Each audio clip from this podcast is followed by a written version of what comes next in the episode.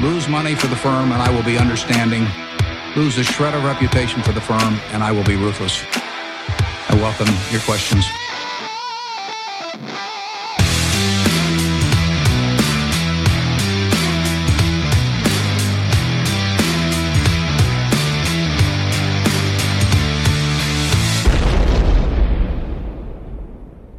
Välkomna till Kvalitetsaktiepodden. Det är jag som är Ola. Ja, och det är jag som är Klas. Eh, Det här är avsnitt nummer 44. Vad det nu betyder inom numerologin. Nej, kan jag Det inte. måste vara kanon. Måste det vara. På något sätt. Spelas in torsdag den 13 juni. Skolavslutningstider. Dåligt väder. Dåligt väder ja. Några skolavslutningar har inte blivit här för oss. Men vad har du gjort sen sist? Ola? Ja, jag sprang ju Stockholm Marathon för första och, och förmodligen sista gången. Det var ju en riktigt härlig upplevelse för oss som var kvar här i Östergötland också. För man kunde ju följa dig steg för steg. steg. nej då, jag tog mig runt det, men eh, nej, det var slitigt alltså. Det eh, känns som eh, ja, två mil får, får, får räcka i framtiden tror jag. Ja. Ja. Ja, Nej, det, var, undrar- det var segt, det var segt. Ja, man undrar vad som hände där vid 32 kilometer. ja. Var det krampen som slog till eller? Nej, det var, nej, jag, det, jag var hyggligt nöjd, men man såg ju många som var skadade, rent, alltså skadade. Eh, det slapp jag i alla fall. Men, eh, Men bättre Men- väderförutsättningar kunde du inte hoppas nej, på va? eh, i alla fall eliten, de hann ju mål innan regnet kom. Så att, Men Då var du alltså inte med där? nej, nej, nej, jag var inte i där. nej, jag tyckte inte jag såg det heller där i Nej. tv-bilderna. Nej, så det är väl det jag kan nämna då. men, men var eh, nej, men kul att ha gjort Stockholm Marathon. Mm. Ja, nej, men jag då? körde järnet de här två veckorna. Jag har varit sjuk. Jag slog sönder min relativt nya driver som jag äntligen börjar komma överens med. Jag har konsultat hur mycket som helst Ja, det och ändå lyckats klämma in en jättetrevlig weekend med familjen i Stockholm. ja, det är helt Och, ofattbart. ja, och vi var på Tekniska museet första gången för mig. Jättetrevligt för folk som är bolagsintresserade. Och särskilt då om man är intresserad av gruvnäringen. Var den kommer ifrån och vart den är och kanske lite grann vart den är på väg också. Det är inte bolag som vi kanske slår runt sådär jätteofta. Men är man intresserad av bolag så, och Sverige så är väl gruvnäring något som borde intressera de flesta. Absolut. Nej, finns för både unga och gamla, gamla där så att där kan man ha ihjäl en dag rätt lätt. Båda har varit i Stockholm med andra ord. Ja, kungliga huvudstaden. Ja. Så är det. Eh, Men idag ska vi ut på landsbygden. Ja, idag ska vi ut på landsbygden. Eh, det blir mer, eh, Vi tänkte vara lite trendkänsliga. ja, Eh, att förlänga iväg utomlands och sådär på semester och sånt där, det är ju helt, helt ute. Så nu väljer ju folk att semestrar och, och utforska det egna landet. Så då gör vi det med. Ja, det blir en eh, liten eh, odyssé här i, i Sverige från Dalarna och söderut. Ja, vi kan väl ta vilka vi, bolag vi har idag. Vi har fyra bolag. Ja, det blir Claes Olsson då från Insjön eh, utanför Leksand. Eh, det blir Systemair från Skinnskatteberg i Västmanland. Det blir Elektra, gruppen från Kalmar. Ja, en ny gammal bekantskap. Eh, man måste ha varit med länge i, i podden här för att ha, för att ha stött på dem innan. Ja, jag tror vi tog upp det i avsnitt fyra här, I avsnitt 2000 fyra. 2017. Japp. Men det blir Elektra alltså och sen det avslutar med Invado. Ja, Invido. Malmö. Malmö. Ja. Det kommer bli en riktig höjdare. Det är lite krystat den här grejen med att försöka anknyta till att folk stannar hemma eftersom vi nästan alltid bara tar upp svenska bolag. jo, visst. Jag gjorde ett Men det här var, försök. det, jag tänkte det här var lite mer, det var inte En Stockholmsbolag. odyssé. Ja, vi Nej, åker, du vi åker runt landet. lite här. Fyra. Ja, man åker ut på landet och ja. lämnar storstan Ja, bakom sig. Malmö är ju i och för sig då en stor stad får man ju säga. Men, Ja. men ändå, det är inte Stockholm och Göteborg. Nej, Nej. nej, där vart jag nästan fast häromdagen där. Det var någon, någon, någon, någon lirare, Ja, någon det. psykotisk lirare som sprang omkring kring med några väskor och sa att Och du var... satt på uh, tågstation då eller? Nej, nej, Nej. Jag var heller inte den psykotiska liraren utan jag var ute hos en, en kund och eh, levererade sådana här Konsulttjänster. konsult- konsulttjänster vet du. Okej. Mm, sånt, sånt gör jag när jag är iväg. Du kanske tror att jag sitter på olika tågstationer. Ja, jag det, tror det är det. därför fakturerar så dåligt. Så är det. Ja, Ja, eh, nu hoppar vi runt lite här men eh, börsdata, Ola. ja. Vi vill ju som vanligt tacka vår samarbetspartner eh, Börsdata. Det här är ju värdeinvesterarens bästa vän. Och anknutet till det så i dagens eh, DI så berättar då, eller skriver Mikael Vilenius hur han hittar börsens glömda guld. Ja, intressant. Många av bolagen vi, eh, nej men li, li, lite den typen av bolag vi går på, lite doldisar med kvaliteter. Ja, han sätter upp lite gates där, lite, lite portar man ska igenom och då kan man säga att flera av de portarna eller de stegen han går igenom, de fixar man med lätthet med en premium eller pro. Ett pro-abonnemang från Börsdata. Ja, man kan screena sig fram till den här typen av bolag. Ja, och sen så, ja, han gör lite mer jobb där också. Det är väl en del grejer som man behöver. Ja, tryckt press bland annat. Hur, många, hur mycket skrivs om bolagen och utländska institutioner. Men, men ägande har det ju och ägarlister och sådär. Så att, Så man tar upp 15 bolag. Mm, de vi har berört mest av de där är väl eh, AQ, BTS, eh, Lammhults, eh, Vitec och VBG. har- Ja, men, men mycket OEM är med på listan med. OM och eh, Wise har vi ju nämnt Ja. och sådär. Så att det, Så- Säg inte Wise i min, I min närhet. Mm. Nej, de kommer tillbaka. Med. Det, det här med timing är uppenbarligen viktigt också i aktier ibland. så är det. Ja, Nej, men det är jättekul eh, att Dagens Industri kör eh, eh, lite bortglömda eh, fina småbolag. ja. Det är ju där vi försöker. Nej, vi vart nästan lite sådär, men det här är ju. det är ju våran grej här. Ja, Mm, men eh, vi gör det varje gång Dagens Industri slänger upp lite då och då. Ja. Men jättekul. De har ju, som jag sa här för några poddar sedan så har de ju kört lite intervjuer med BTS och KABE och sådär va. Så att det är roligt. ja, det kanske säger något om vilka börstider det är när till och med de tycker att. Får det, gå ner på listorna. gå ner på listorna för att hitta något Intressant. Ja, intressant. Då. så är det säkert. Ja, Ola, om jag säger att tid är pengar, vad säger du då? Mm, Ja, eh, men jag vet inte vart du vill komma med det riktigt. Nej, det jag vill komma till Ola är att jag vill att vi ska presentera våra nya samarbetspartner. Vad kul! Ja, den bästa klockhandeln på nätet. By far. Ja, Rega Watches. Regawatches.com. Precis. Ja, Eh, hur, hur stavar man till det Ola? R-E-G-A. Ja, det är Rega. Rega. Och Men sen- Watches då? Ja, W-A-T-C-H-E-S. Punkt. Punkt .com. Vissa säger ju .com. Ja. Men vi vill ju inte vara så. Nej, vi är ju svenska va, Mm. så vi säger punkt .com va. Ja. Varför ska man gå in där då Ola? Ja, eh, du har ju de absolut bästa priserna på kvalitetsklockor i Sverige. Mm. Eh, du har en prisgaranti. 125% av mellanskillnaden får du tillbaks om du hittar klockan billigare på något annat håll. Ja, man har alla klockor i lager. Ja, Ser man dem på hemsidan så kan man få omedelbar leverans. ja, du har chattsupport för snabb information och hjälp. Ja, och man har nöjda kunder. Mm, 9,5 av 10 i betyg från sina kunder. Ja, Så man är en bra sajt helt enkelt. något Oj. mer då Ola? Ja, det är fri frakt såklart. Eh, Det är möjlighet till fakturaköp och avbetalning. Eh, Ska vi säga populära välkända varumärken som Gant, Victorinox, Tissot, Oris med mera. Jag kan garantera att här finns det något för alla plånböcker. Ja, det är från tusenlappen och uppåt kan man säga. Eh, Men garanterat lägsta priser och som om inte det vore nog. Är man sugen på en, en sommarklocka eller något kvalitetsur som man ska ha för alltid så kan man nu då i samband med det här gå in på regawatches.com och uppge koden KAP eller kvalitetsaktiepodden. Och när man uppger det i kassan när man handlar på eh, hemsidan så får man dessutom 10% rabatt på alla klockor och det är redan från de lägsta priserna i Sverige. Ja.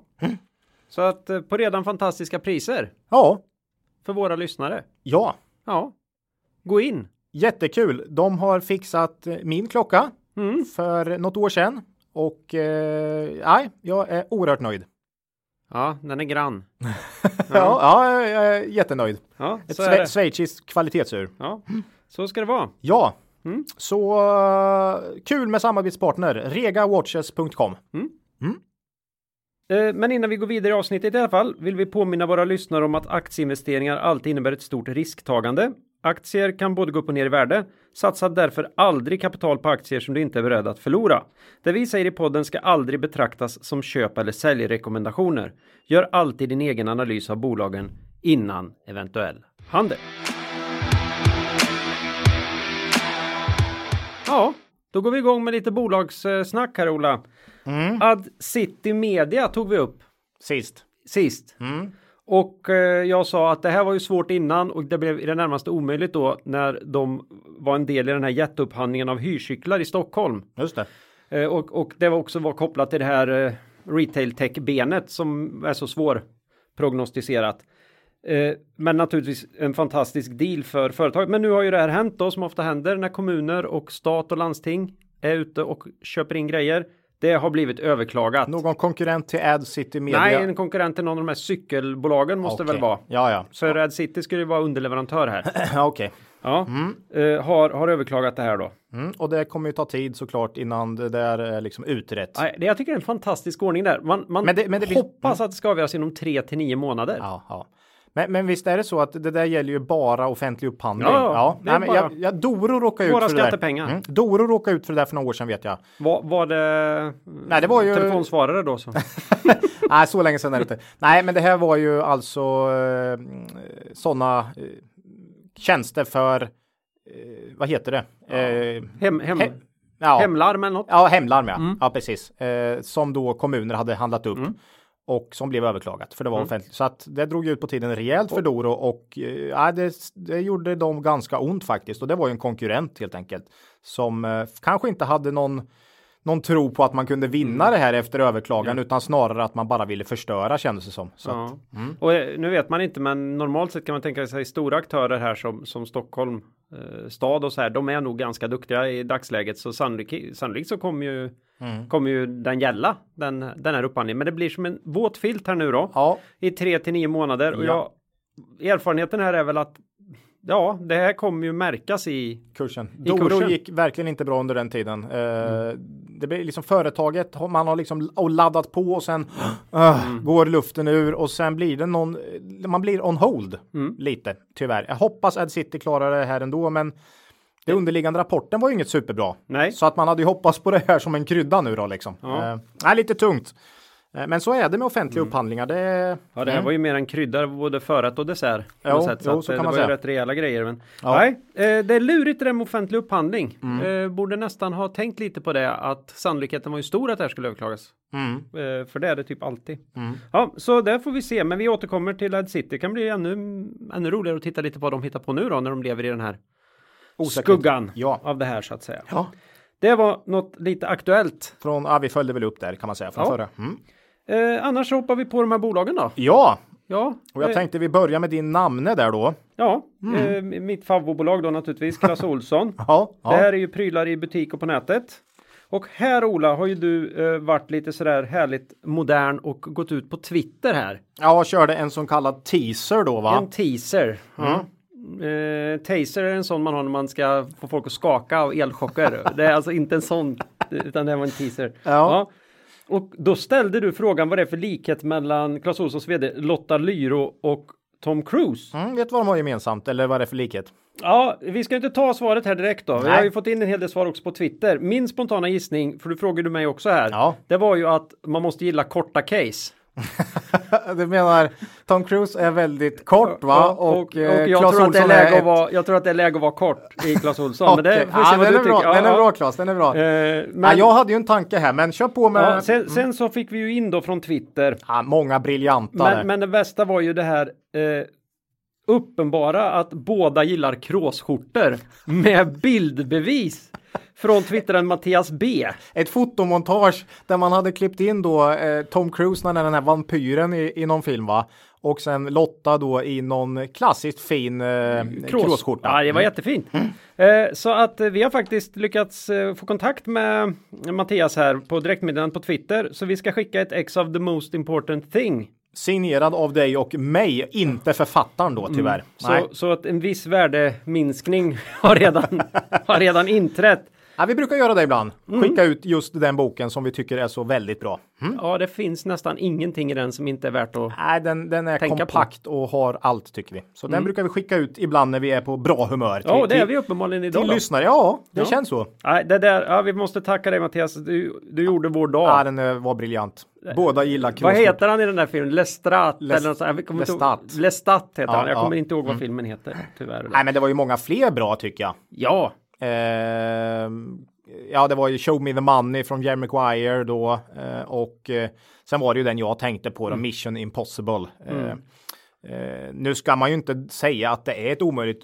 För det första Ethan Hunt då klarar ju alla sina omöjliga uppdrag här va. Ja, så att- så, så att det kan, om Lotta är med där va, så, så, så, kommer det ror hon ju det här i land va. Ja. Så ja, nej men ta, bra. Eh, många trevliga förslag på Twitter. Så, så rätt svar var alltså Mission Impossible här. Eh, nej men skämt åt sidor då. VD Lotta Lyro här då verkar ju gilla utmaningar. Eh, annars hade hon ju inte hoppat på det här nu för, eh, ja, vad är det, ett eller två år sedan. Nej. Eh, och hon verkar glad och positiv ja, så att hon är säkert eh, rätt då. Det känns så. Och, och eh, hon eh, ja, tar ju över företaget här kanske i den besvärligaste situationen som bolaget har befunnit sig i. I sin 100 år. Ja, hundraåriga historia. Eh, Man har också döpt något sånt här eh, mm, omställningsprogram här till 100 eh, plus eller Clas Olsson 100 år till eller sådär. Eh, nej, men det är ju ett stålbad här nu. Man lägger ner butiksnät i England och Tyskland. Och det var ju lite där man såg att Clas Olsson hade bra möjlighet att att växa framöver. Eh, var, man är ganska tät med butiker i Norden, framförallt i Sverige. Eh, Så man kände väl att Tyskland och, England kanske var så här rimliga marknader för framtida tillväxt. Men nu drar man tillbaks det och Ja, det gör ju det lite svårt här. Vi har ju pratat Europris någon gång. Och just den här känslan att vart ska de ta vägen när man har fullt på en marknad och Clas Ohlson är ett starkt varumärke här hemma.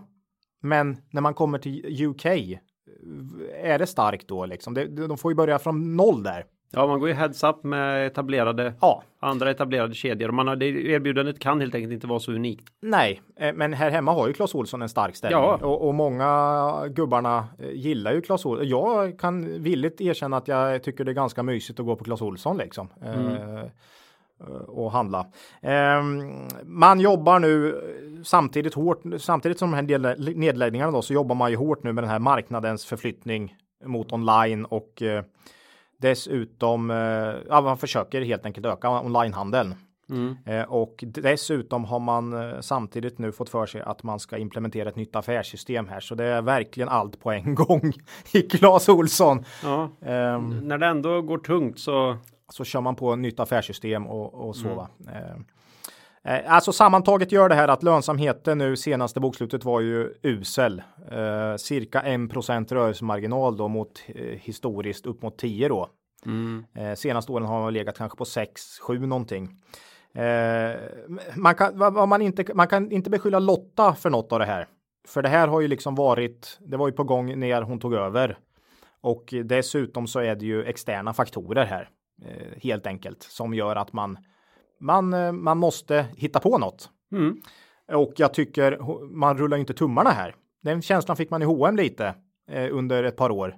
Men det här är ju rejäla krafttag som Clas Ohlson gör. Man backar hem, man satsar online och så vidare. Så att Nej, men det här är ju anknutet till en annan eh, intressant diskussion som vi hade här just där med. Vi får ibland frågan varför vi är så fruktansvärt fixerade vid tillväxt. Det är väl alldeles utmärkt att ha ett lönsamt bolag. mm, Vad är det för fel på det? Folk får gå till jobbet och det genererar löner och, och det är ju bra för ja. mm, Men vi, vi behöver ju också äta och vi lever på investeringar. mm, Och tyvärr är det så att det finns en väldigt stark koppling till, mellan, mellan våran förtjänst över tid och att vi sätter in pengar i tillväxtbolag. Ja, vi- så det är vi- inget vi- fel. nej. Det, det kan ju vara jättebra för dem att, att, att, att krypa hem här lite grann och försöka hitta en affär som är stabil och kanske komma tillbaka. Men tillväxten kan vara ju svår att se nu då. Ja, eh, och det är ju om man nu liksom kollar vart de är nu. Okej, det är tufft. Man gör massa åtgärder här framåt då, för det är ju ändå det man alltid.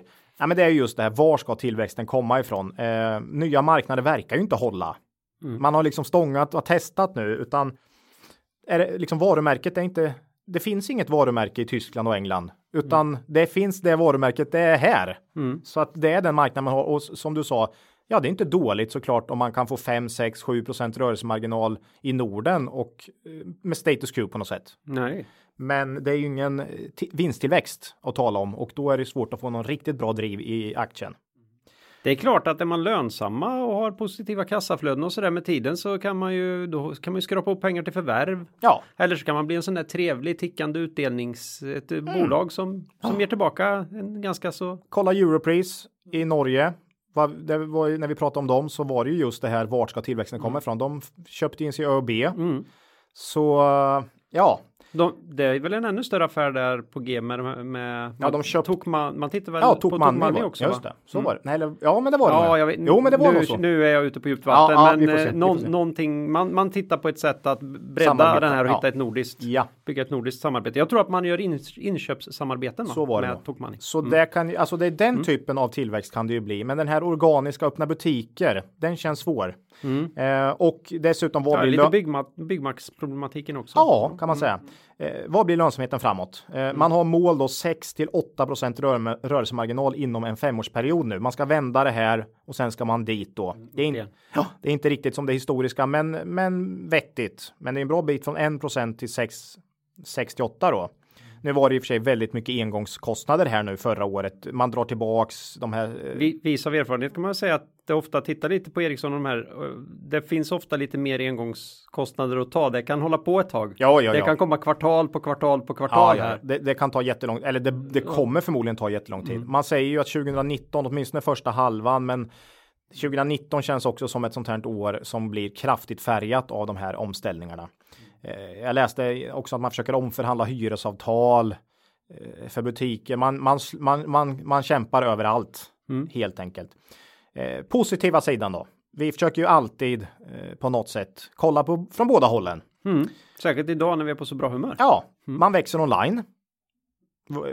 Gör man ju. 50% tillväxt under förra året ungefär. Så att det är ju bra. Eh, Bruttomarginalen steg faktiskt förra kvartalet överraskar mig och många andra. Eh, Man säger effektivare kampanjer och sortiment. Och det tycker jag är intressant. Man lyckas få intressant. bättre betalt helt enkelt. Man får bättre, det, det, den stack ut på mig. Bruttomarginal eh, positivt. Sen är det ju det här PS-talet. Historiskt låt 0,6. Det är för att man inte har någon lönsamhet. Så att vinsten genererar, eller omsättningen genererar ingen vinst. Men kan man då komma tillbaks till historisk lönsamhet, ja då är det klart, då är det billigt va. Ehm, direktavkastning 7 Eh, och där har man redan nu faktiskt flaggat att man har som målsättning att hålla den i två år i rad här. Man, gör, man delar ut 7% i år och man ska göra det nästa år. Hålla sin samma, samma direktavkastning helt enkelt. Men är så kaxig, då har man en urstark balansräkning här misstänker jag. Nej, men den är faktiskt inte eh, så dålig. Det är, har gått från eh, positiv till eh, svag nettoskuld, men inte farligt faktiskt. Eh, eh, värdering då. Eh, ja, 6 miljarder i börsvärde. Eh, och jag gjorde en liten överslagsräkning bara. Eh, ponera då att man når sina lönsamhetsmål då. Vi säger mitt i det där spannet 7 procent. 68 här om, om några år. Ja, då har du 600 miljoner i ebit. Det blir ev ebit 10. P 13 då kanske. Eh, och vad ska ett bolag ha som knappt växer? Ja, det ska ju definitivt inte ha mycket högre än ev ebit 10 i alla fall. Nej, Och, och det här bygger på att man kommer tillbaks. Man är ju inte där nu, utan man är ju på 1% nu. Så att, så om man lyckas ta sig tillbaka så kanske man kan försvara sin nuvarande värdering. nej, det, det du säga? ja, om man når, ja, precis. Om man når sina mål inom de fem närmsta åren så kanske man kan försvara sin värdering. Men lyckas man inte så tycker jag det känns dyrt. Så att eh, äh, summa summarum känns dagens värdering i princip på att man når de där målen. Eh, och det är ju lite mastigt, tycker jag. Undrar hur mycket de har fått eh, fart på den här, det här samarbetet med Mathem. Nej, men eh, det, man, man, är, man slår sig lite för bröstet där faktiskt. Eh, och eh, var det Salan, nej, eh, Kinnevik som var ny ägare i Mathem också, eh, tror jag. Ja. Så eh, det är nog fler som tycker det där är intressant så att eh, vi får se. Eh, Lotta har kanske, det är inte Lotta Byrå, för då kanske hon hade en Eh, någon, nej, jag vet inte. Eh, Jag, jag, hon verkar duktig tycker jag, men det är ett tufft utgångsläge. Eh, vi passar på Clas Olsson här, tycker definitivt att det är alldeles för stökigt nu och det är ju långt ifrån eh, de här målen eh, på 68% som vi tycker krävs för dagens värdering. Eh, jag tror man kommer överleva, för man gör ju en rejäl kraftsamling här. Man drar hem sina, ut, eh, sina trupper från utlandet och man fokuserar på, på hemmamarknaden och så. Så att det kommer säkert, man kommer klara det här tror jag, men det är ingen aktie jag vill äga. Nej, Så det kan vi väl stanna vid. Ja. Ungefär. det var väl eh, Mission impossible. det var väl lite tydligt vad vi tyckte där tycker jag. Mm, Tänker jag. Så att eh, vi hoppar raskt vidare då. Ja, vi till eh, Skinnskatteberg. Stämmer. Och, och eh, Systemair som vi hade med Eh, jag berättade inte när vi hade med Clas Olsson senast va? Var det avsnitt 18, ett år sedan? Ja. Du verkligen grävde i det här. Nej, men det har inte känts 31, så kul. 31 maj. Ja, nej, det har ju inte varit. Det har inte ens varit värt att ta upp tycker jag. Nej. Så att, eh, men nu, nu tar vi här. Ja, men Systemair då? Jag Eh, åker lite söderut från, från Dalarna. Det då. var nyss, 21 mars pratar vi under, under, undret ifrån Skinnskatteberg här avsnitt 38. Mm. Och det här är ju ventilationslösningar för en global marknad. Och eh, min enda fråga till dig Ola, är, har de nu lärt sig ta betalt även i Mellanöstern? ja, de hade faktiskt lite kundförluster. De, även det här kvartalet. Ja, de ja det är tufft där. Ja, ja, jag vet inte om det var Mellanöstern ska jag vara helt ärlig. Men eh, de hade lite kundförluster och verkar ha en del kundförluster löpande. Mm. Det kanske är en del av, av branschen eller marknaden. Eh, vi har väl varit en av få tycker jag som har Nej då, det har varit andra som har varit lite positiva till Systemair, men eh, vi har ju ändå hållit kvar dem i våra. De, vi hade dem i första buy and hold och vi höll kvar dem i andra. Eh, och eh, nu har ju verkligen Systemair gått 30% här i år, så det har ju varit lyckosamt so far. Mm. Och vad beror det på då? Ja, eh, först, för, förra kvartalet var ingen höjdare. Där låg analytikerna alldeles för positivt och vd Roland Kasper gick till och med ut och, och kritiserade och sa att de inte hade gjort sin läxa och sa att eh, förväntningarna var orimligt höga. Eh, Så nu hade de sänkt förväntningarna analytikerna rejält och nu blev de slagna på fingrarna fast åt andra hållet då. Nej, det visar också lite på problemet med Systemair. Just Q- de sista två kvartalen på deras brutna år är faktiskt ganska svårprognostiserade. Så det är liksom inte bara analytikernas fel här. Eh, Vi gillar ju normalt inte bolag där man där det blir lite gungfly och ibland så det bara försvinner. Eh, du, Det kommer från out of the blue på något sätt. Men Systemair har lite mer svajig Eh, svårt att prognostisera sista två kvartalen tycker jag. Eh, Q4 då, sista kvartalet här. Omsättning plus 17% organiskt 9, ebit justerat för engångsposter. Förra året steg med över 100% Men eh, förra året var väldigt, väldigt svagt. Eh, Så att mer då tycker jag att den här omsättningen på plus 17 är det man ska, det, den är viktig. Men även rörelsemarginalen var starkaste rörelsemarginalen i ett fjärde kvartal på många år. Eh, man har haft organisk tillväxt 36 av de 37 senaste kvartalen. Det är ju den typen av eh, vi ska ta någon sån här eh, lång streak här senare när vi pratar Elektra också, men det är den typen av bolag vi gillar. Ehm, ja, Systemair, man tror att de har mycket med svensk byggmarknad att göra, men har de inte. Norden totalt är 20% ungefär. Så Sverige är inte särskilt dom. Jag tror det var 7% av årsomsättningen. Men det innebär att de ändå har affärer i Danmark också alltså. Lite grann. Ja, då vet jag inte om jag vill. Nej. Alltså, ja. Västeuropa 43% dominerar. Östeuropa 15. Ryssland har ju varit lite så här. Jag kommer ihåg för 5-10 år sedan. Då snackar man om Systemair och Oriflame som de här eh, rysk-spökena. Eh, men det är ju nere på 15% nu efter bra tapp i Ryssland senaste 10 åren då. Precis som Oriflame som förresten blev uppköpta här eh, för eh, nyligen.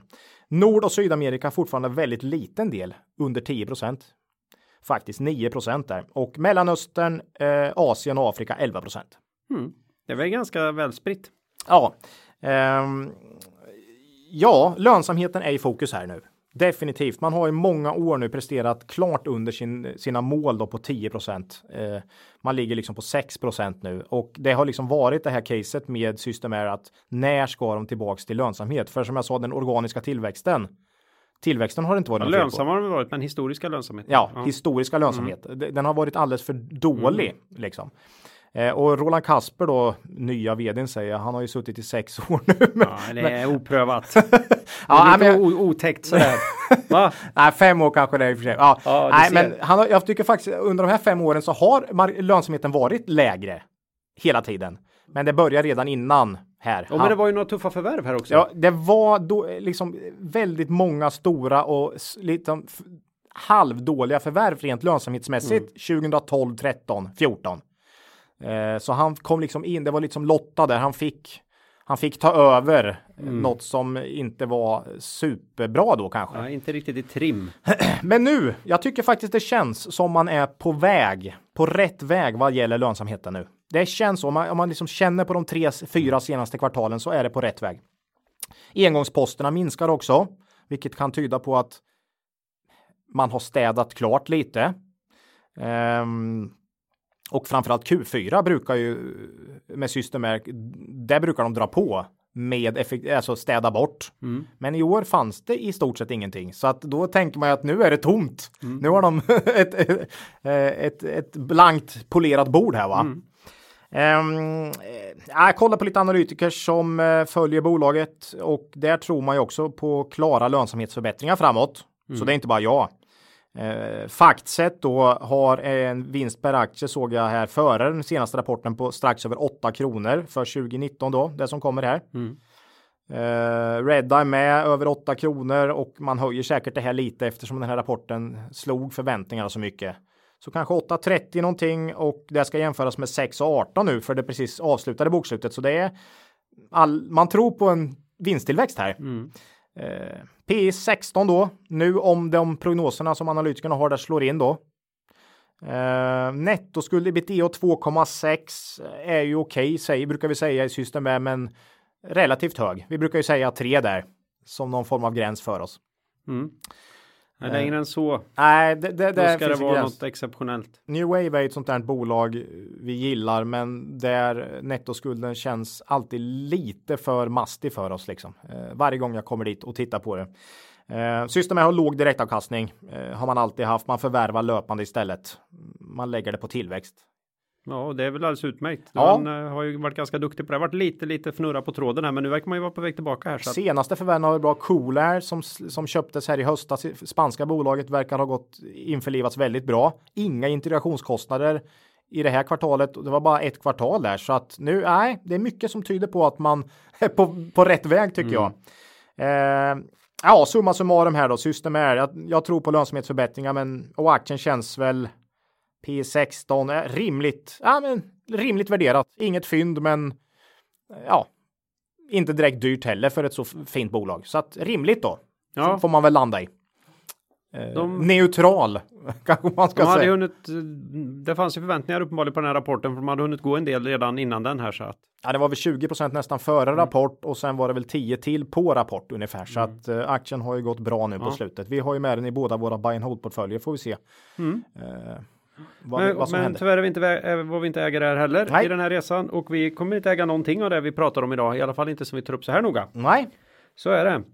Eh, ja, Systemair. Mm. Det var väl det då. Skinnskatteberg. Nu kommer vi tillbaka. Back, back to the future va?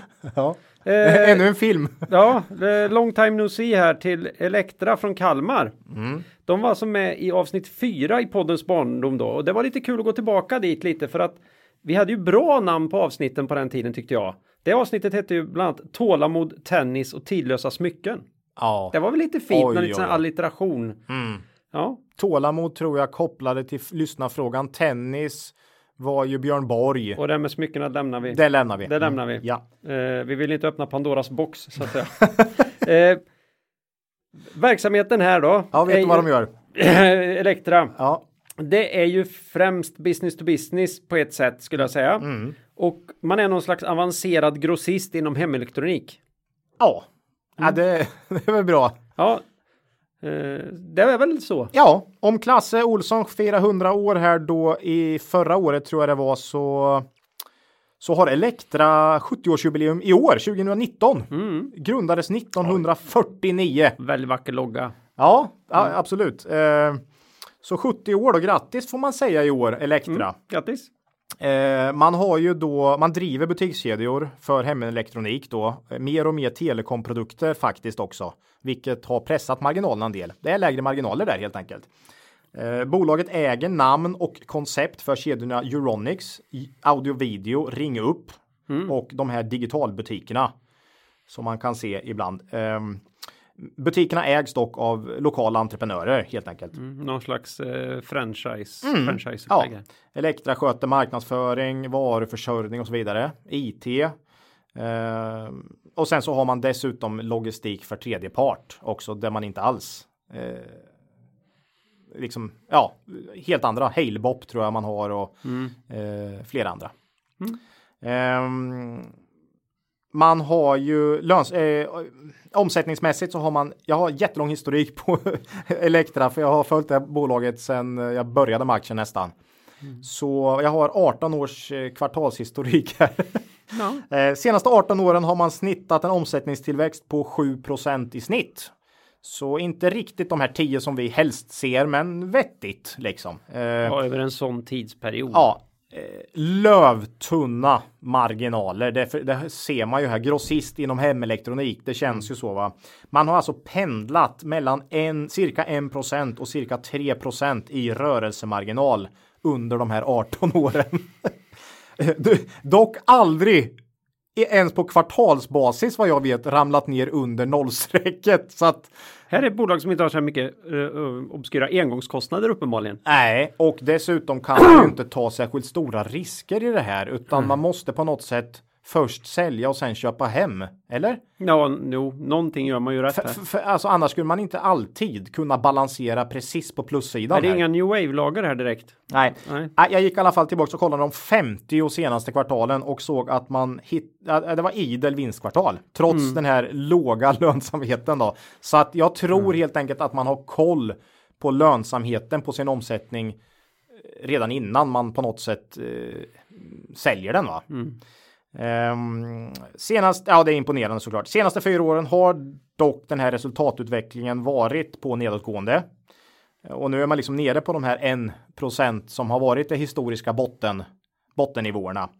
Ehm, och jag får faktiskt gå tillbaka ända till 2003 för att hitta ett år med lika svag lönsamhet som nu.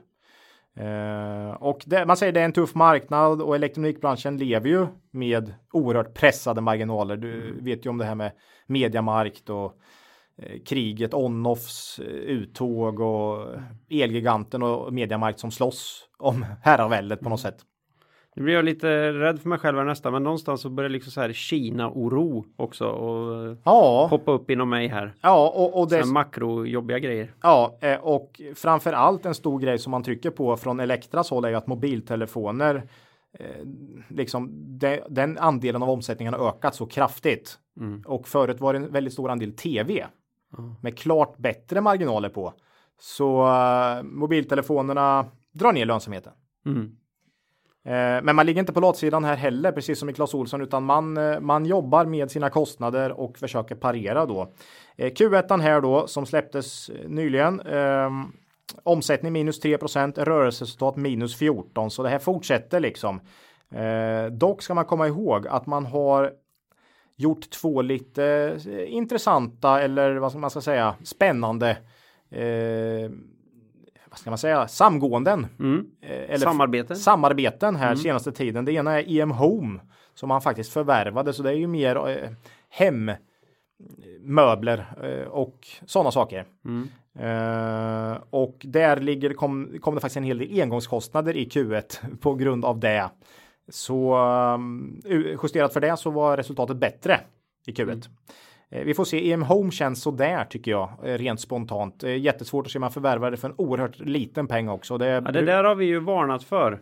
Ja, jag, jag, jag har några exempel. Billigt kan bli väldigt dyrt. Ja, jag, jag har några bra exempel på i stort sett man har förvärvat för en krona och sen har det kostat 100 miljoner kommande fem år i kostnader typ. Eh, Så nej, vi får se. EM Home har jag inga jätteförväntningar på, men däremot offentliggjorde man ett, eh, ett samarbete här efter kvartalets slut i april här.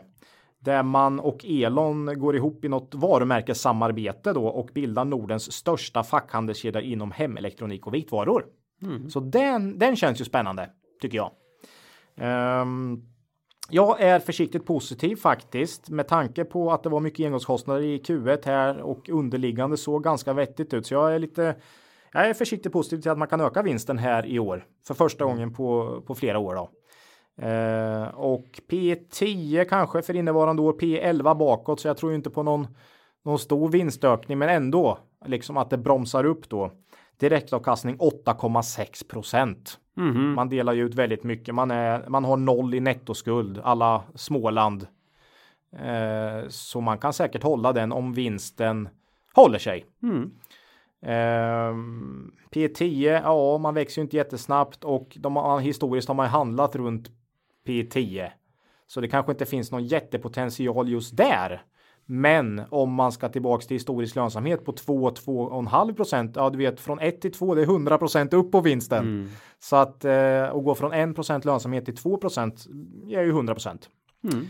Eh, kollar man eget kapital så är eget kapital per aktie 39 kronor och aktien står i 38 så den handlas alltså under liksom något form av slaktvärde. Man har inte mycket goodwill så att och inga skulder. Mm. Så att det är lågt värderat. Men det är ingen het bransch. Det, det kan man ju lugnt säga. Ja, den här lilla tillväxt. Ja, nej, men så att eh, Nyckeln. kan kanske det här samarbetet eh, få till mm. lite bättre tillväxt här. Tillväxten de senaste fem åren har varit hygglig ändå faktiskt. Man ligger väl där på sju någonting. Um, ja, och kan man få upp marginalen så kommer ju vinsten hänga med såklart. Um, jag börjar bli lite positiv igen här efter att ha varit tyckt det varit ganska tråkigt case mm. senaste året, men lite positivt nu tycker jag. Men det är ju en tuff marknad så att lite svårt. Mm. Uh, men Elektra är väl uh, nästan det av bolagen här idag som jag tycker känns mest sådär lite spännande faktiskt just nu. Mm. Väldigt lågt värderad aktie. Aktien har ju tappat väldigt mycket så att uh, man, det ska man bevaka tycker jag. Mm. Litet bolag, litet bolag, bra direktavkastning. Brukar ofta fångas upp så där i, framåt januari, februari, mars när folk ska späcka i de här utdelningscasen då. Mm. Eh, så att eh, kanske i höst eller något. Ja, och det här är ju. Det här känns ju som något för en för en eh, lång portfölj. Mm, onekligen. En, en värdeinvesterare mm. kan fiska upp det här kanske. Ja, men vi vill gärna se att det kan finnas någon lite mer action i närtid då. Ja. Eh, nej, jätteintressant. Mm, eh, spännande, någon, vi följer. Elektra var någon slags åsk eller väder, vädergudinna här. Mm. Ja, just det. Så jag att, tänkte mest på gladiatorerna där, men det, det, det, kan ju vara inspirerat av vartannat. Kan ha varit så ja. Kan, så kan det ha varit. Mm. Ja, lämnar vi Kalmar ja. Elektra och hoppar på dagens sista bolag. Ja. Eh, Invado. Invado. In, Nej, du var bättre där. Mal Malmö. Ja. ja. Mm. Ah. Härligt. Ja. Härligt. Med skånskan. Mm. Och vad gör, de, vad gör de då Claes? Ja, det här är Europas ledande leverantör av fönster och dörrar. Mm. Och de har kända märken av allt möjligt, men Elitfönster vet ju alla vad det är ungefär. Ja, va? visst, visst. Eh, var med rätt nyss här, eh, avsnitt 35 från 7 februari. Så pass? Ja. Eh, ja, fönster och dörrar, det det vet ju alla vad, vad det är. Ja, det är inga, vad är det för någonting? Inga, inga det är sådana här bolag man inte förstår. Det är jobbigt. nej, vi gillar ju bolag man förstår så ja. det är därför vi kör fönster och dörrar då. Det, uh, nej, men uh, byggrelaterat såklart då. Mm. Uh, faktiskt inte så där jättetunga i Sverige alls, utan man har bra spridning här. Men de har ju dragits med ner mm. helt tydligt kursmässigt i den här bygg, vad ska man säga, bäsen. Ja, ja visst. Ja, eh, har man ju. Eh, Sverige, Danmark, Finland, Norge, Polen, Storbritannien, Österrike. Alltså, det är mm. många länder i, i norra Europa. De är väldigt stolta över eh, sin verksamhet i Irland. Mm, mm. mm är... ja, de gillar Guinness kanske. Mm. Jag, jag misstänker att de gillar att åka dit och hälsa på. Eh, ja, konsumentmarknaden står för tre fjärdedelar av omsättningen. Eh, man säljer ju via återförsäljare och så, men ändå att det är liksom privatkunder som är slutkunder. Mm. Eh, så ja, hänger ihop med byggkonjunktur och bostadsmarknad och allt såklart. Mm. På de marknader de, de figurerar. Men inte bara Sverige och det är ju viktigt att komma ihåg. Um, man har det lite motigt nu tycker jag. Omsättningen stiger med 4 i Q1, organiskt minus 2. Inget superkvartal, men det har, det har blivit lite tuffare på byggmarknaden helt klart lite signaler på att det börjar vända upp lite igen tycker jag nu. Men eh, är svårt att säga. Operationell ebitda sjönk och det här med operationell ebitda, du vet Claes. Är det, det, är det, det bullshit of bullshits earnings? Ah, vi, vi, man, det får en ju alltid att rygga tillbaks ja. tycker jag när man ser just det ordet operationell ebitda. Om vi får hitta på vilket vinstmått vi vill så går det bra. Kan man säga så? lite så. Mm. Nej, men de, de menar ju att de justerar för vad de ser som engångsposter och sen tar de det högt upp i resultaträkningen. Ja, men det sjönk i alla fall så det var inte positivt. Nej, de lyckas inte ens. De lyckas inte ens fibbla till det va. Um, och, och dessutom jämförelsesiffrorna var ju jättesvaga i Q1. Det kommer ihåg förra när man sa att det var smällkallt och, och snö. Ja. Eh, men ändå så tappar man här. Mm. Eh, känns ju inte jättepositivt då. Dessutom skriver man att det var i Det linje... här känns lite som eh, Byggmax-rapporten för mig så då gick Ja. man väl upp 10 prost på den här direkt då. Nej, det gjorde den nog inte. Den gick ner faktiskt. Ja, och det- stå och stampa på, på ganska låga nivåer. Ehm, dessutom med den här ganska svaga rapporten så sa man i linje med våra förväntningar. Jo, men man har ju, här har man ju varit tydlig med att man förväntar sig att det ska Tufft. vara stentufft. Ja. Det har man ju varit jätteärliga med. Eh, så lite intressant. Mm. Många tycker jag, nej, det är ärligt och bra. Mm. I linje med våra förväntningar. Orderingången steg dock lite, 8% upp, orderstocken oförändrad. Eh, här har man en, 10 e-handel faktiskt också. Så Mm. det måste ju vara via egna hemsidor eller då sådana här e-tailers kanske. Mm. Eh, eller vad det heter. Vad kan det vara? Bygg hemma och de här? Eh, antar Det jag. borde man ju veta då. Ja, nej men jag antar att de här fönstren kan du köpa på massa av de här byggsajterna. Ja, men det kan du ju. Ja, Då, Bilder Du kan ju och- både gå in hos Ja. handlaren eller så beställer du hem Eh, grejerna. Nej, men jag vet inte, mycket säljs via de här eh, bolag, eh, så här mm, snick, snick, eh, snickarna som kommer ut och, och sätter upp grejerna. Mm. Sitter ju såna här skyltar i eh, villaområdet titt som tätt att nu sätter vi upp elitfönster här. Någon liten grej som vajar i vinden, någon pappbit där. Har du sett sådana? Mm. Ja, ja, ja. Och Visst. då tänker jag kul för dem. Tänker jag. Eh, kul för dem. Ja. Eh, E-handeln går faktiskt starkt då. Mm. Precis som för Klasse Olsson då. Ehm, man har en nettoskuld genom ebitda på 3,2 så den är, ligger över våran vad vi tycker är okej faktiskt. Och det, det kommer faktiskt från att man förvärvat en hel del historiskt. Eh, jag tycker man har bra historik om man kollar på lönsamheten. Den har inte svajat särskilt mycket. Eh, Tillväxten är inte superbra historiskt, men eh, nej, jag tycker man är. Det andas lite kvalitet när man kollar på historiken lönsamhetsmässigt faktiskt. Så jag tycker ändå det här är ett bolag som jag. Jag litar på hyggligt. Mm. Eh, dock har man ju lite svårt att se någon så här jättetillväxt i omsättning i år eh, med tanke på hur det ser ut nu organiskt och så. Ja, om man inte gör något nytt förvärv, men samtidigt man har ju inte riktigt den kassan tycker jag nu då när man ligger så högt i skuldsättning så att eh, ja. Det känns som att det blir bästa fall så blir det oförändrat i år. Mm. Eh, vinsten kanske till och med går ner så att eh, det, liksom, det känns inte riktigt roligt att köpa då trots att värderingen är väldigt låg. För där har du P 8 någonting. Mm. Eh, jättelågt, men ett bolag som inte växer ska ju ha någonstans P 8 kanske. Eh, är väl rimligt över tid. Ehm, Ja. jag var ju inne och gjorde en resa här i, tidigare i år ju, men mm. ja, du var med på. ja, var, ja, jag var med en liten sväng. Du har kört det- Nordic Waterproofing också vet jag. Ja, och det var ju, det var ju roligt, men det är just det här att ja, vad är det som ska hända här riktigt? Och- Mm. Vad är, vad är Ja. i närtid här? Vad, vad, vad, vad ska driva det här? uppåt? Långsiktigt tror jag jättefina bolag, men Ja, ja. Ska man köpa ett bra bo, lite som när vi pratar Kabe. Mm. Alltså liksom jättebilligt bolag, men vad ska hända i närtid för att aktien ska gå? Mm. Eh, men att bygga upp en sån här lång bred portfölj med fina svenska bolag, ja, då kan man ju köpa både Kabe och Inwido och Nordic Waterproofing och de här Mm. till vettiga multiplar och sen så får man väl se, bara äg liksom. Ehm, ja, nej, jag, jag tycker aktien känns liksom eh, inte särskilt intressant trots att värderas ganska lågt på P och ev ebit 10 för man har ju en skuld så att där är man ju inte liksom billigare än mycket annat heller så att eh, nej, det blir eh, det blir liksom inte mer än hyggligt intressant sådär. Lite neutralt där på något sätt. men ett väldigt fint bolag. Ja, tycker jag och bra historik faktiskt. Eh, Ja, men det, den här typen av bolag håller vi ju fruktansvärd koll på här. Ja, För ja. Dels så kan de ju Ja, man, de kan bli fruktansvärt billiga till, till och från. ja, Och dels så kan det ju hända saker. Ja, ja, visst. Marknader kan ju ta fart. De kan ju hitta, hit, hitta saker som de får ut och brett. Mm. Och då Och, och man vet aldrig, helt plötsligt så kan de här bli uppköpta också. Ja. Ahlsell och blivit uppköpt och ja, eh, blir det för billigt så är det någon som, som norpar det här Mm. faktiskt. Så ja, nej, det är om min video. Vi får återkomma när vi tycker det känns mer spännande kanske. Ja, Ett bättre läge så att säga. ja det var Inwido. Mm. Då var lite landet runt där då. Ja, Ja, det var kul att vi sa- skulle ut på landet och så avslutar vi i Malmö. nej, tillbaks till storstan då. Ja, ja det är. Mm. Det var så. Eh, det var bolagen. Mhm. Eh, vi hoppar raskt vidare. Till lyssnarfrågan. Ja, Eh, vi har en liten hög med frågor här nu igen. Vi bad ju om lite nya frågor och fick in en del bra frågor här, här sistens. Och massor med bolag. Vi ska hantera båda i nästa avsnitt. Ja, Men i vi- våran sommarspecial. Ja, en liten sommarspecial här Mhm. som kommer. Men eh, du plockade ut en som jag också tycker är intressant. Bryr vi oss om blankning? Mm.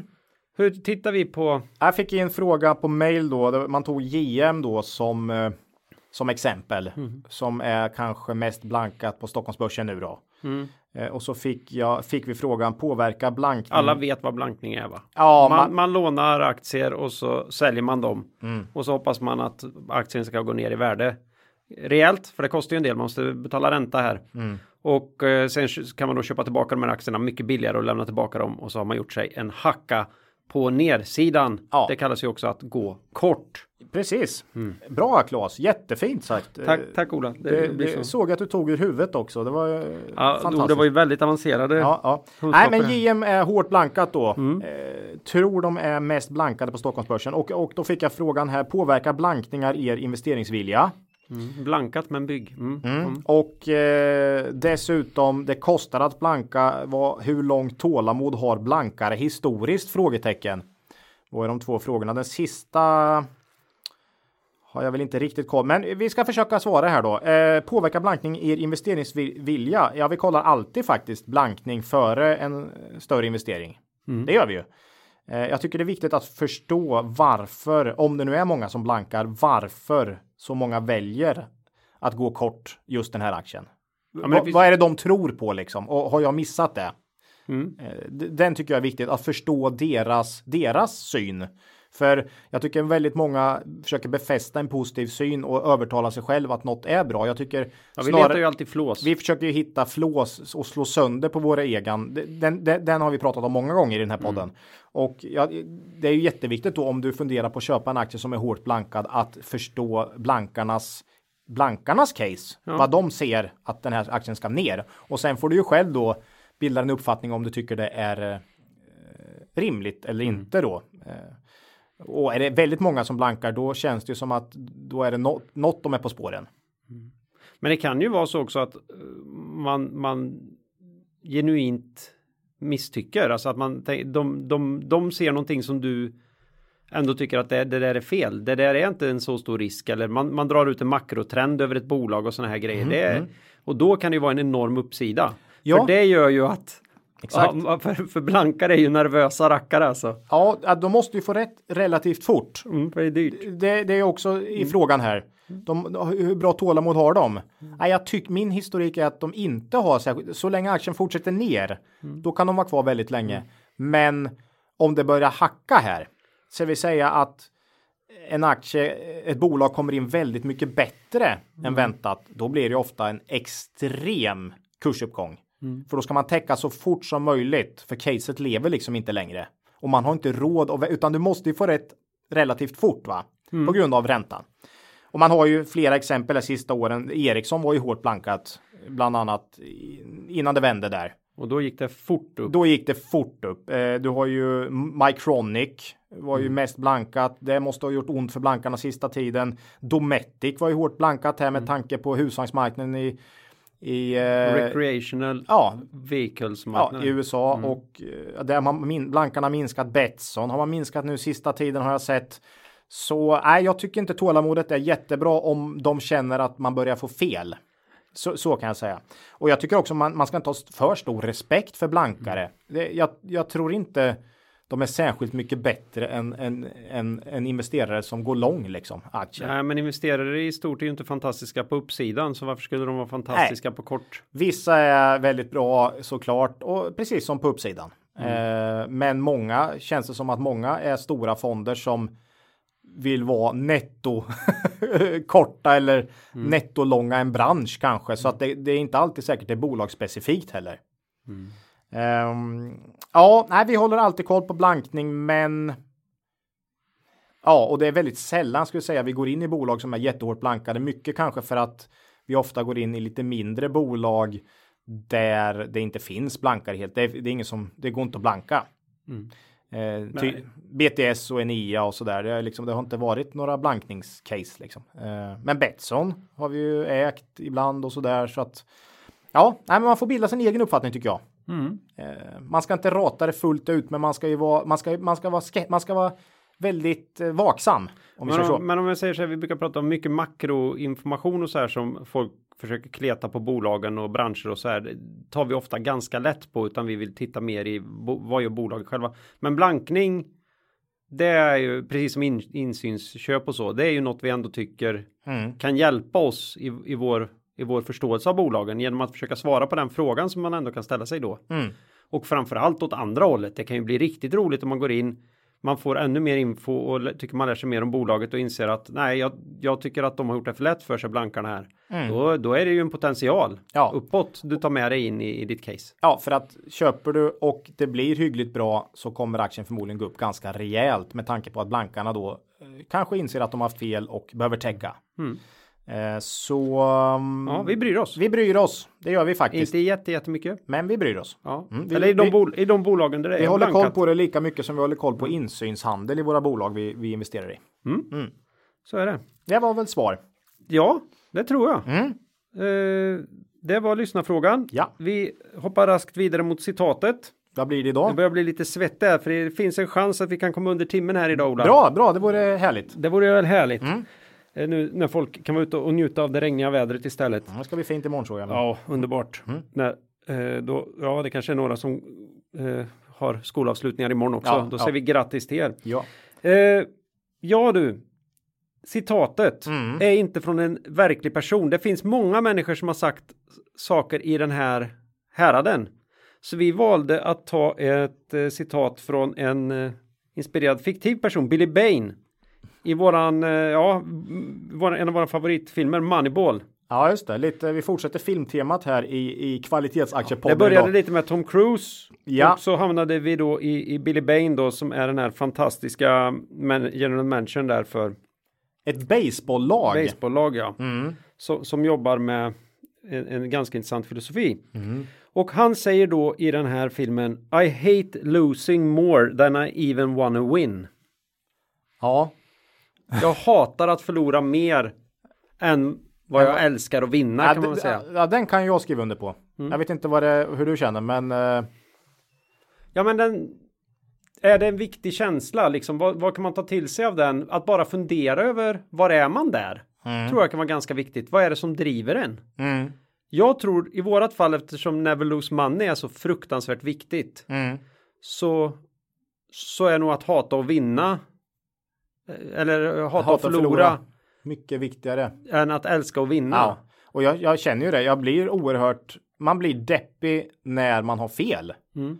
Men när du har rätt så är det mer som det ska vara. Mm. Det, det blir liksom ingen större glädje av det. Men nej, för mig är det definitivt så. Jag, jag, jag såg en intervju med Thomas Ravelli som sa att den här vill, eller liksom att hata förlora och att inte göra bort sig hade drivit hela hans karriär. Mm.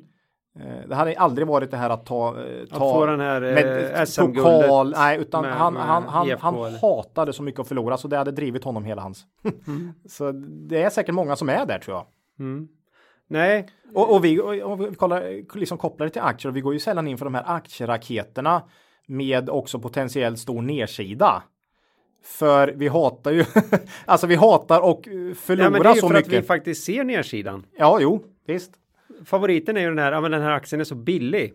Mm. Det fanns ju många nu som tyckte att det var, man gick in sista, nya, nya varvet här i Fingerprint. Mm. Och jag har, jag har hört den på riktigt att ja, men det gick ju inte att förlora för den var ju så billig aktien. Ja, ja, det går ju alltid att tappa Du, hundra. sat, du satsar ju verkliga pengar, du kan alltid satsa 100 procent. Ja. Men det, det är någonting som är liksom, Ja. ja. man, vissa ser inte den nedsidan och jag tror det blir svårt att vara långsiktigt. Mm. Eh, långsiktigt framgångsrik måste vara väldigt svårt om man inte i första hand hatar att förlora. Mm. Precis. Eh, glädjen av när man gör en sån här riktig raketuppskjutning som du har ju varit med på några sådana, men man kan nästan säga att Enea blev en sån här för oss för ett tag sedan när liksom Ja. det börjar gå väldigt, väldigt fort. Mycket mer än vad vi Och tycker är rimligt än vad vi förväntar oss. Ja. Det är ju inte den stora glädjen utan glädjen är att bolaget kom in som vi hade förväntat oss. Sen att marknaden Mm. Flippar lite det. Men när man däremot har fel då, Oh. som i netten till exempel för ett år sedan, eller, eh, alltså det känns ju och sitter kvar på ett helt annat sätt. Så att nej, jag, jag, tyck, jag håller definitivt med i det här citatet. Ja. Eh, Nej att- men det är ju så. Eh, Pandora, Wise har jag. Ja men är inte Spännande. det bra också tycker jag? Ja men du, du, du, sky, Jo, men du du ju- skyr ju dig i Ja. framtiden då. Du lär dig ju smärtsamt vad du ska undvika också. Så jag, jag, alltså, jag tror det, det är bra faktiskt att, Mm. att du känner smärtan när, när, det, när man har fel eller när det går Mm. dåligt faktiskt. Eh, och, och Det är förtroendet. lite synd. Mm. Man ska ju få glädjas också men ja, jag vet inte. Som jag har sagt många gånger, glädjen är när man tycker man hittar något som känns väldigt bra. Mm. Det, är, det är då den riktiga glädjen kommer, inte sen när det på något sätt blir någon, någon, någon bra avkastning på det, utan det är just när man hittar det som det är roligt. Men, men även när de kanske kommer in med en bra rapport. Ja, och det är ju skönt. Det är, det är Även ju, om, även om börsen inte eller marknaden inte tar emot det på det sättet som man hoppas. Så Nej, när man känner att ens case materialiseras på något sätt då. Det, Mm. det är ju skönt. Ja, nej, men så vi skriver, jag skriver under på det här citatet där. Eh, Moneyball förresten, väldigt bra film, det har vi sagt Mm. Och förut. jag, jag Och tycker bok. boken är Ja. ännu bättre. Just det. Mm. Eh, väldigt mycket kopplingar till aktier Ja, och Så det är ju ett boktips återigen. Vi har haft en boktips förut, men det är ett boktips till sommaren här. Mm. Eh, ja, det var, det var väl i stort sett vad vi hade idag Ola. Mm. Så vi börjar närma oss slutet för den här, det här avsnittet. Ja, Eh, I nästa avsnitt då, som kommer om två veckor, då tar vi sats rejält in mot sommaren mm. eh, och semestertiden. Det blir en genomgång av bolag eh, vi fått frågor om som vi inte tar upp. Nej, vi, har, vi har säkert samlat på mig 15 20 bolag som bara ligger på en lång lista som, som lyssnare har liksom bett oss kolla på. Eh, Den ska vi köra en snabb genomgång på och eh, inte på djupet utan bara vad vi Och ser kanske och gallra. diskutera lite grann runt va- Varför vi tycker inte det är går rimligt. djupare. Varför, vi Varför- tycker det är rimligt att gallra. Ja, varför vi inte går djupare på dem. Eh, och eh, så det tänkte vi. Och dessutom massa frågor nästa gång va? Ja, inte en massa, men några stycken eh, till har vi summerat upp. Ja, Vi bad, om, vi bad ju om lite mer frågor och fick oändligt mycket bolagsförslag. Så ett uppsamlingsavsnitt kan man säga nästa gång. Ja, Som kommer spelas in någon vecka i förtid va? ja och eh, släppas här då om två veckor. Sen blir det uppehåll. Sen hoppar vi ett avsnitt och i vårat fall så är det ju en månad nästan då som vi bara kan ligga i hängmattan och gunga fram I stort sett och tillbaka. hela juli då. Den gamla klassiska industrisemestern. Ja, kan vi, Eh. lyssna, kan vi ligga och lyssna på bra poddar istället. Och, eh, sen är vi tillbaka 25 juli. Förhoppningsvis. Det här är ju precis då när man ska gå igång igen. Det kan ju säkert hända något där det kan bli någon dag till och från där. Men... Ja. Och då Ola, då finns det ju rapporter igen. Det finns det. En hel jäklar, del. Så då har vi äntligen något att prata om Ja, igen. Precis. Gött. Ja. Bra, ni kan kontakta oss Mhm. på äh, kvalitetsaktiepodden.se. Eh, ni kan eh, kommentera oss på Twitter. Mhm. Det har varit bra action där sista tiden. Eller så har vi vår hemsida kvalitetsaktiepodden.se. Eh, ja, har du något slutligen är något riktigt makro eller någon teknisk analys att ta upp idag? Nej, definitivt inte. Inget? Nej. Nej. Jag har det lite tunt också. Mm. Så då tänkte jag istället eh, ta eh, lite återkoppling till förra avsnittet där vi pratade eh, Sarsis ASFT. Ja. Och eh, vi hade ju några namnförslag där som vi bollade med vd Fredrik Graflind där. Mm. Och eh, det kom in några till här eh, både på mail och på Twitter. Kul. Och då, då tycker jag ju att två förslag som förtjänar omnämnas. Så det första här är ju att Sarsis ASFT helt enkelt ska byta namn och behålla de två första och de två sista. Mhm, Vad blir det då? Det blir saft. Saft. Saft. Tyckte Okej. jag var bra. Mm. Det var uh, Twitter-alias LTDM där som kom med den. Men Den- sen kom ju ett sånt här riktigt, riktigt, riktigt bra namn in. Och det var ju aktieingenjören och han, han kan ju aktier på riktigt då. Favoriten är det SAS ARFT. Ja, Software as a Service and Road Friction Testing. Oj, oj, oj, oj. Ja, den Ta är med dig den nu Fredrik här, för den, Den lär driva kurs. det är aktieägar, det är aktieägarvänligt alltså. ja, ja. Ja, SAS och ARFT. Ja, Härligt. eget ägande Ola. Nej, det var inget av de bolagen vi pratade Jo, vi har och SFT Ja, vi har har, vi har ju en liten skvätt i har vi ju Ja, sagt. vi har men lite i SAS men annars är det inget av dem vi har pratat om. Nej. Nej. Ja, och innan vi då säger hej då för idag så vill vi ju påminna alla våra lyssnare om vårt nya samarbete med regawatches.com. Mm. Gå in där, hitta kvalitetsur till fantastiska priser och få ytterligare 10% rabatt med koderna KAP eller Kvalitetsaktiepodden. Mm. Ja, och med det då så vill vi eh, säga hej då för den här gången och kom ihåg Det är först när tidvattnet drar sig tillbaka som du får se vem som badat naken. Lose money for the firm and I will be understanding. Lose a shred of reputation for the firm and I will be ruthless. I welcome your questions.